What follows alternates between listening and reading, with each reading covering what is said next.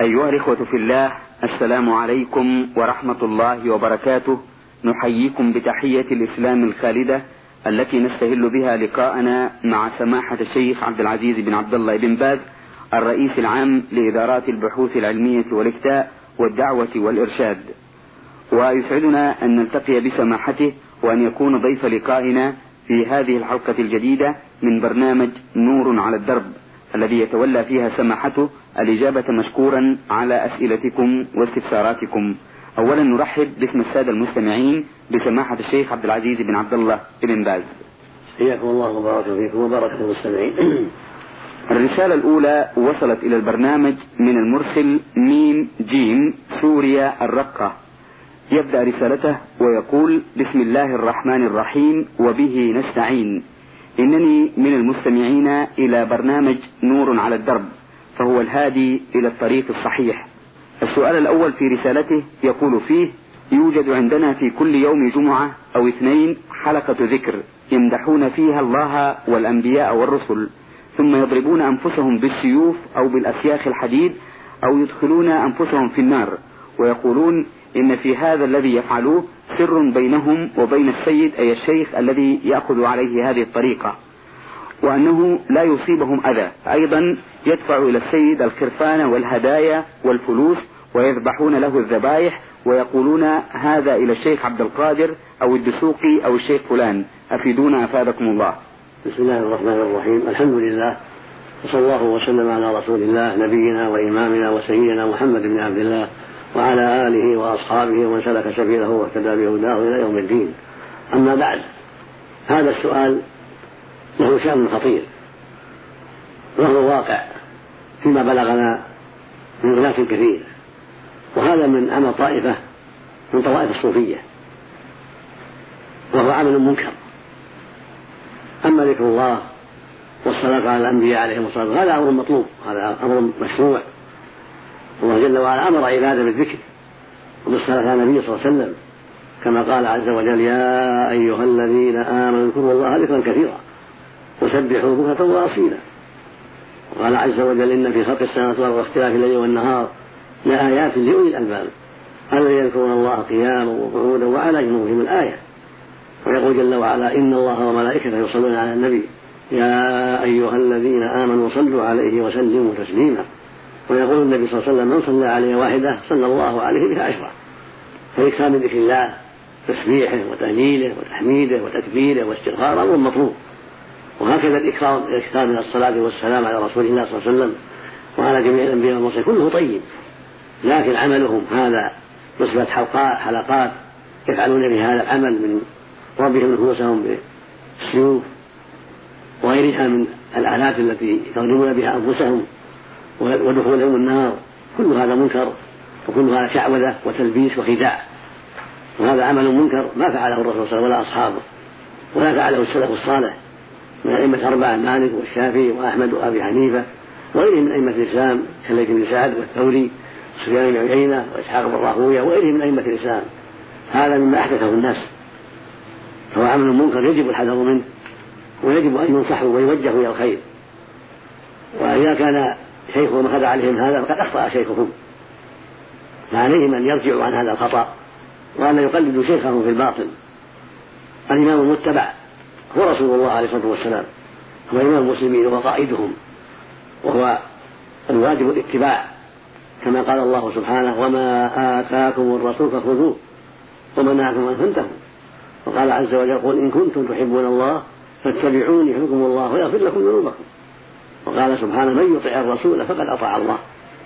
فعلينا أن نطيع الرسول صلى الله عليه وسلم ونتبع ما جاء به في الكتاب العظيم والسنة المطهرة.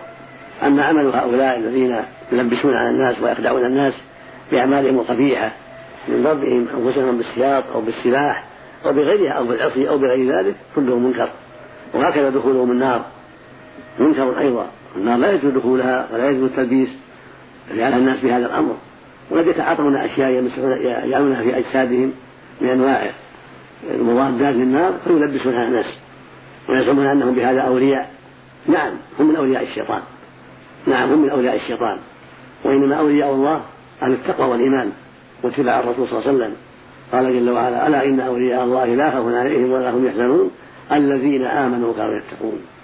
ويقول الله جل وعلا والسابقون الأولون من المهاجرين والأنصار والذين اتبعهم بإحسان. هؤلاء ما اتبعهم بإحسان زادوا عليهم بدعا كثيرة وقال النبي صلى الله عليه وسلم من أحدث في أمرنا في ديننا ما ليس منه رد يعني مردود. وقال أيضا عليه الصلاة والسلام من عمل عملا ليس على أمره فهو رد. أما إهداؤهم الخرفان والنقود وغيرها من الأموال لشيخهم الذي يتقربون إليه ويذبحون له ويستغيثون به هذا من الشرك الأكبر. طلب الأموات والغوث والمدد والتقرب إليهم بالذبائح والنذور هذا من الشرك الأكبر في إجماع المسلمين في إجماع العلم والإيمان من سلف الأمة. ولا عبرة بخلاف من تأخر عنهم في آخر الزمان ممن جهل دين الله ورأى أن الشرك دين القربة هؤلاء لا عبرة بهم وليس عليهم معول فالمقصود أن دعوة الأموات والاستغاثة بالأموات أو بالجن أو بالملائكة وطلب الميت المدد من الرفاعي أو النبي صلى الله عليه وسلم أو العيدروس أو الشيخ عبد القادر الجيلاني أو الشيخ أحمد البدوي أو الحسين أو غير ذلك كل هذا شرك بالله. من طلبهم واستغاث بهم ونذر لهم وطلب منهم مدد عند قبورهم أو بعيدا من قبورهم فهذا من الشرك الأكبر. ومن عبادة غير الله فيجب, فيجب الحذر من ذلك ويجب تحذير الناس من هؤلاء الضالين حتى يتوب الله عليهم. نسأل الله لنا ولهم الهداية أحسن الله إليكم. آه، السؤال الثاني في رسالة الأخ ميم جيم سوريا الرقة يقول فيه عندنا الكثير من الناس يحلفون بغير الله فهل هذا جائز؟ مثلا يقولون وحياة النبي محمد عليه الصلاة والسلام وحياة عيسى أو موسى عليهما السلام أو وحياة القرآن أو وحياة قبر أبويا أو أقسم في شرفي أفيدونا بهذا؟ جزاكم الله خير الجزاء. الحلف بغير الله لا يجوز. بل يجب أن يكون الحلف بالله وحده سبحانه وتعالى. لما ثبت عن رسول الله عليه الصلاة والسلام أنه قال من كان حالفا فلا يحلف إلا بالله وليصمت وقال عليه الصلاة والسلام من حلف بغير الله فقد أشرك. واللفظ الآخر فقد كفر. واللفظ الآخر فقد كفر أو أشرك. فالحلف بغير الله من المحرمات الكفرية ولكنه من الشرك الأصغر إلا إذا قصد أن مخلوقه عظيم كعظمة الله أو أنه يتصرف في الكون أو أنه يدعم يصلح يدعم من دون الله صار كفرا أكبر نعوذ بالله. فإذا قال وحياة فلان أو حياة الرسول أو حياة عيسى أو حياة موسى أو شرفي أو قبر أبي أو ما أشبه هذا كله حلف من غير الله كله لا يجوز. أو حلف بالأمانة أو بالكعبة كل ذلك منكر. الواجب أن لا يحلف إلا بالله وحده سبحانه أو بصفة من صفاته أو باسم من أسمائه عز وجل. والقرآن من كلام الله القرآن من صفة الله. فإذا قال والقرآن أو حياة القرآن هذا لا بأس به لأن القرآن كلام الله سبحانه وتعالى.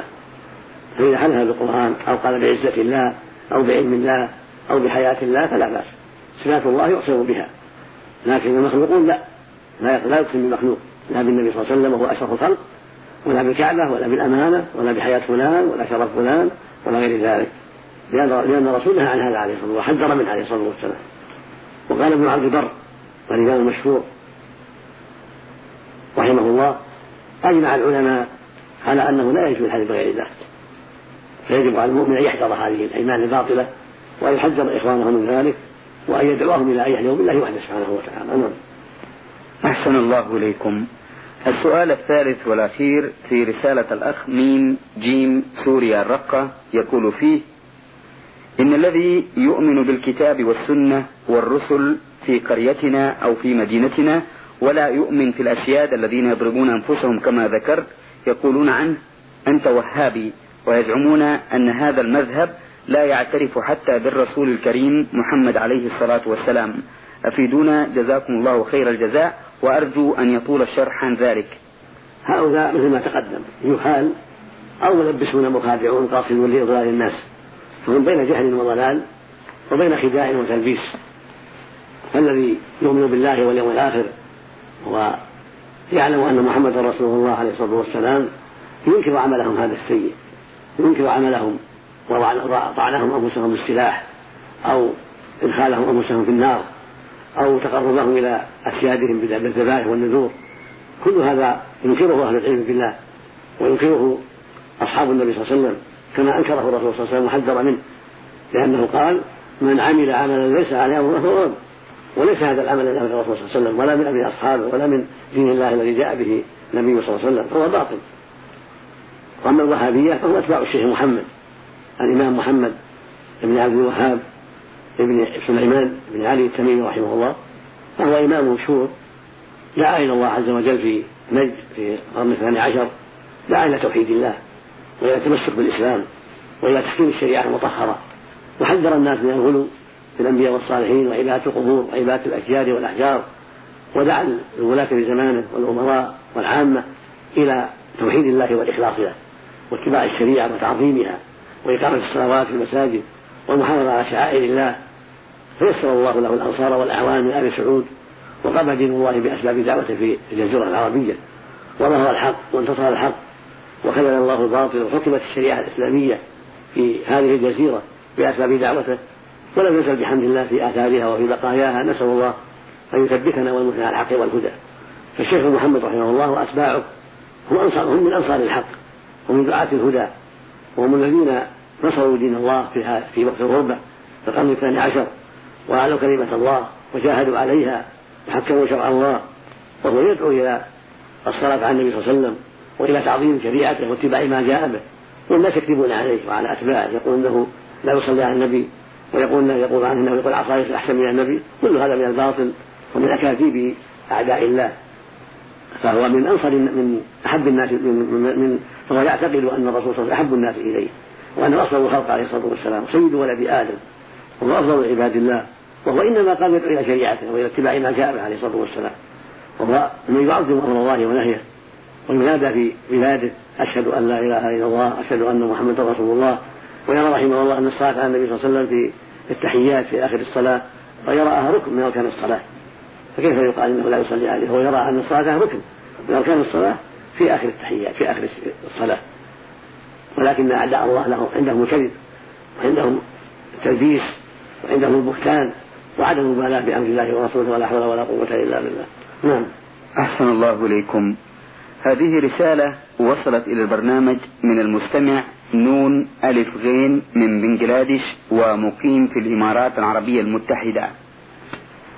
يقول في رسالته وفي سؤاله الأول ما حكم رد السلام المذاع عبر الإذاعة؟ وما كيفيته؟ أفيدونا أفادكم الله. يرد عليه مثل ما سلم هذا هو الأظهر. فإذا قال السلام عليكم ورحمة الله وبركاته يقال وعليكم السلام ورحمة الله وبركاته. وإذا قال السلام عليكم فقط يقال وعليكم السلام. وإن زادوه ورحمة الله وبركاته فهذا أفضل كما يسلم على من سلم عليك في الطريق. نعم. أحسن الله إليكم.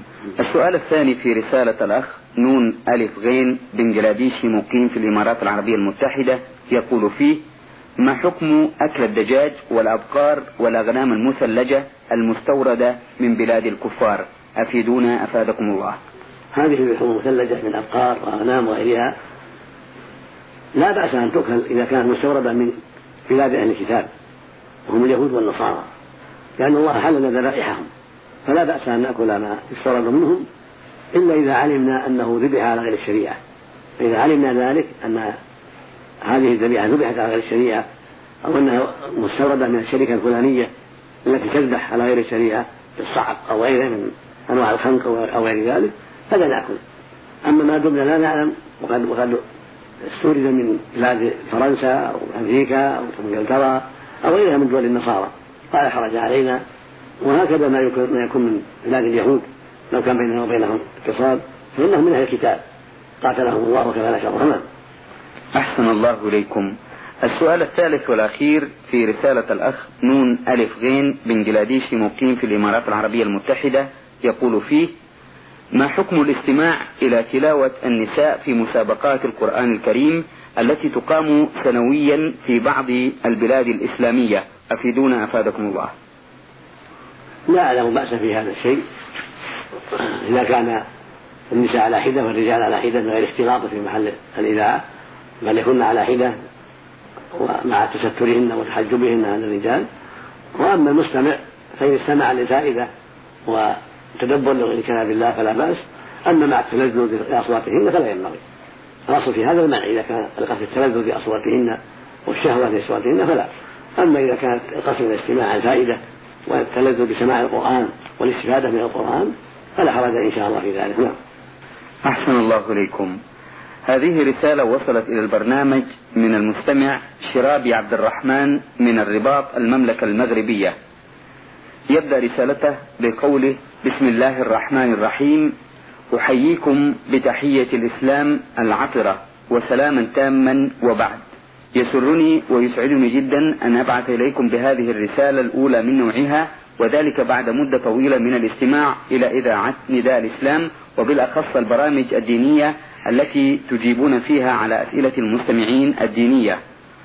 والحقيقة إنني معجب ببرنامج نور على الدرب وأشكر جميع السادة العلماء الذين يتفضلون بالإجابة على أسئلة المستمعين الدينية طبقا للكتاب والسنة. وأريد أن أشارك في هذا البرنامج الديني بهذا السؤال. في إحدى خطب الجمعة بأحد مساجد مدينة الرباط قال الخطيب بأن الزكاة لا يجب توزيعها خارج المدينة التي يقيم فيها الإنسان ويضيف بأن الزكاة زكاة التجارة آه، يمكن أن يعطيها الإنسان لشخص واحد شخص من أقاربه يعمل في التجارة وفي كل عاشوراء من كل سنة يقوم بإغلاق متجره ويقوم بإحصاء سلعته. لكي يعرف مقدار الزكاة التي يمكن إخراجها حسب الشرع الإسلامي. وبعد ذلك يقوم بإعطاء الزكاة لكل من يأتيه إلى المتجر من المساكين والفقراء كما يوزعها على من يعرف في المدينة من المحتاجين ثم يجمع الباقي ويرسله إلى قريته التي ولد فيها وإلى القرى المجاورة لقريته حيث يقوم بتوزيعها أي الزكاة على المحتاجين من أقاربه وغيرهم. فهل يجوز ذلك أم لا؟ أفيدونا أفادكم الله. توزيع الزكاة في البلد إذا كان فيها فقراء محاويج أفضل. وهكذا ما يقاربها من البلدان التي في حكمها ليست محتاجة إلى سفر. هذه البلدان المتجاورة والمتقاربة التي لا تبعد عن بلده مسافة القصر. هذه كلها في حكم البلد الواحدة. إذا وزع فيها الزكاة على فقراء كان أفضل. في قول النبي صلى الله عليه وسلم في حديث معاذ لما بعثه اليمن تؤخذ من أغنيائهم فترد فقرائهم قال وأخبرهم عن صدقة تؤخذ من أغنيائهم فترد فقرائهم فظاهر هذا أن فقراءهم الأدنين أولى من غيرهم. فإذا وجد الفقراء المحتاجون في البلد وما يقاربها ووزعت فيهم الزكاة كان هذا أفضل وأولى. وإن دعت الحاجة إلى نقلها إلى فقراء في بلاد بعيدة أو إلى مجاهدين محتاجين للمال مجاهدين في سبيل الله أو إلى أقارب مستحقين أو إلى طلبة العلم الذين قد تفرغوا لطلب العلم الشرعي واحتاجوا إلى المساعدة. هذا لا بأس به في أصح قولي العلماء. فنقل هذه المصلحة الشرعية لا بأس به. وقد كانت تنقل الزكاة من بلاد من بلدان كثيرة إلى النبي في المدينة عليه الصلاة والسلام ويوزعها على الفقراء عليه الصلاة والسلام. فنقلها من بلد إلى بلد بمصلحة شرعية لا بأس. لكن الأفضل إذا كان أهل البلد محاويج وفقراء فإنه يوزع بينهم وإن كان عنده فضله لأن زكاته كثيرة ويستطيع أن يعطي هؤلاء وهؤلاء جمع بين مصلحتين فأعطى الموجودين كفايته ونقل الباقي إلى جهات أخرى. وبكل حال فتوزيعها في البلاد المحتاجة القريبة أفضل وإذا نقل شيئا منها أو نقلها لمصلحة شرعية كأقاربه المحاوي أو المجاهدين في سبيل الله أو طلبة العلم الذين محتاجين العلم الشرعي أو لمن هو أشد حاجة في بلد أخرى فالصحيح أنه لا حول في ذلك. نعم. أحسن الله إليكم. وهذه رسالة وصلت إلى البرنامج من المستمع علي صالح حسين. يبدأ رسالته بقوله بسم الله الرحمن الرحيم الحمد لله رب العالمين والصلاة والسلام على أشرف الأنبياء والمرسلين سيدنا محمد وعلى آله وصحبه أجمعين. إخوة الإسلام السلام عليكم ورحمة الله وبركاته. إن هذا البرنامج أي برنامج نور على الدرب حقا يجعل المسلم متفقها في دينه بل يجعله عالما إذا صح القول. وإنني لأشكر جزيل الشكر إخوة الإسلام العلماء الأفاضل الذين فكروا في هذا البرنامج ولا أنسى أن أشكرهم دائما. أيها الإخوة لي أسئلة واستفسارات وهي أولا عن الموسيقى. قرأت عن الموسيقى كتاب الحلال والحرام في الإسلام للأستاذ يوسف واتضح لي من قراءتي هذه أن الموسيقى حلال وسألت أحد المشايخ في منطقتي في أريتريا لأزداد علما فقال لي لا بأس بها إذا استعملت في المناسبات وأناشيد إسلامية وأيضا سمعت من أحد الدعاة يحرمها حرمانا قاطعا والسؤال هنا هل حرام إذا استعملها المسلم في أناشيد إسلامية وذلك في المناسبات فقط؟ إذا كان الجواب بنعم ما هو دليل الذين يحللون ذلك وما هو موقف الإسلام منهم؟ أفيدونا أفادكم الله.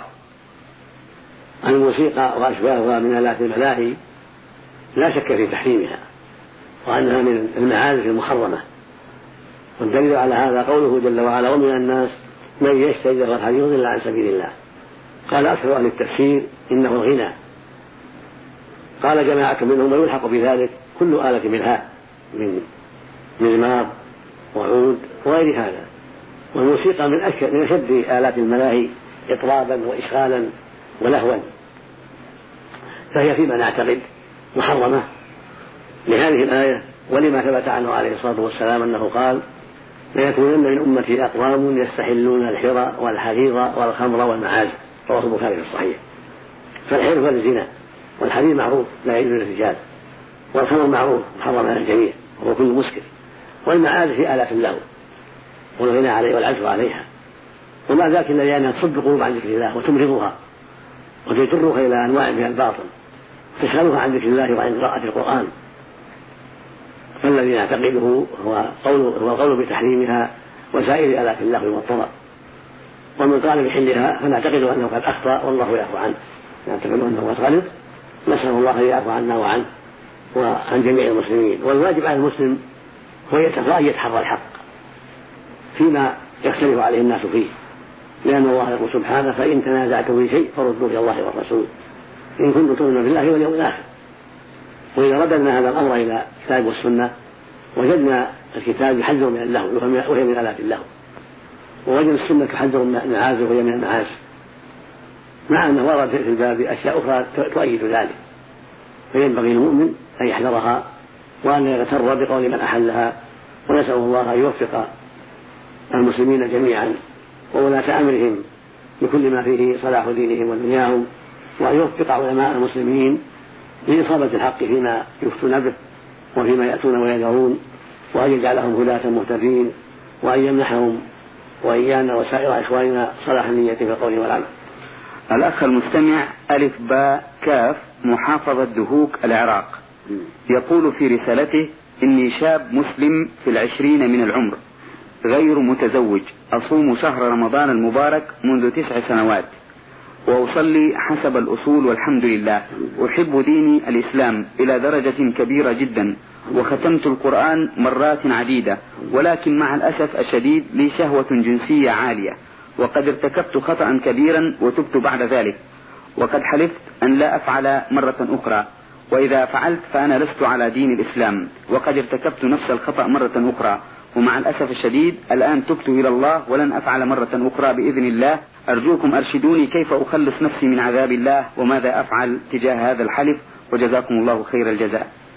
الحمد لله الذي هداك للتوبة وأرشدك إليها وأبشر يا أخي أنك على خير إن شاء الله. والتوبة تجيب ما قبلها ولو عدت ما دمت توبة ما دمت تبت توبة صادقة في الأول وفي الآخر فاحمد الله على ذلك. قال الله جل وعلا وتوبوا إلى الله جميعا أيها المؤمنون لعلكم تفلحون. وجعل التوبة طريق الفلاح فقد أفلحت إن شاء الله في ذلك. وقال النبي صلى الله عليه وسلم التوبة تجب ما كان قبلها. يعني تزيل ما كان قبلها وتهدم ما كان قبلها. فإذا كان الكفر هو أعظم الذنوب إذا تاب الإنسان إذا تاب الإنسان منه غفره الله. كما قال عز وجل قل للذين كفروا إن ينتهوا قد لهم سلف فالكفر أعظم الذنوب. ومتى تاب الإنسان تاب الإنسان منه تاب الله عليه. إذا تاب صادقا ندم عن الماضي وعزم أن لا يعود فيه وأقلع منه تاب الله عليه. هكذا الزنا وسائر المعاصي. من تاب منها توبة صادقة بالندم على الماضي والإقلاع من الفاحشة والعزم الصادق أن لا يعود فيها فإن الله يرضوها عنه ويكفر خانه أما اليمين فعليك كفارة اليمين. حديثك عليك أن تكفر كفارة اليمين وهي إطعام عشرة مساكين لكل مسكين نصف صاع من التمر أو الرز أو غيره من قوت البلد. أو تكسوهم كسوة كل واحد تعطي قميصا أو إزارا ورداء هذه كفارة يمينك والحمد لله. ونسأل الله لك الثبات على الحق والعافية من نزغات الشيطان. إنه جل وعلا جواد كريم. أحسن الله إليكم. أيها الإخوة في الله باسمكم جميعا نشكر سماحة الشيخ عبد العزيز بن عبد الله بن باز الرئيس العام لإدارات البحوث العلمية والإفتاء والدعوة والإرشاد على هذا اللقاء في برنامج نور على الدرب الذي أجاب فيه سماحته مشكورا على أسئلة الإخوة المستمعين المستمع ميم جيم سوريا الرقة المستمع نون ألف غين من بنجلاديش ومقيم بدولة الإمارات العربية المتحدة المستمع شرابي عبد الرحمن الرباط المملكة المغربية المستمع علي صالح حسين من أريتريا المستمع ألف باكاف محافظة دهوك بالعراق. أيها الإخوة الأكارم شكرا لكم على حسن إنصاتكم ومتابعتكم للبرنامج وإلى لقاء آخر إن شاء الله تعالى من لقاءات الخير والبركة. والسلام عليكم ورحمة الله وبركاته.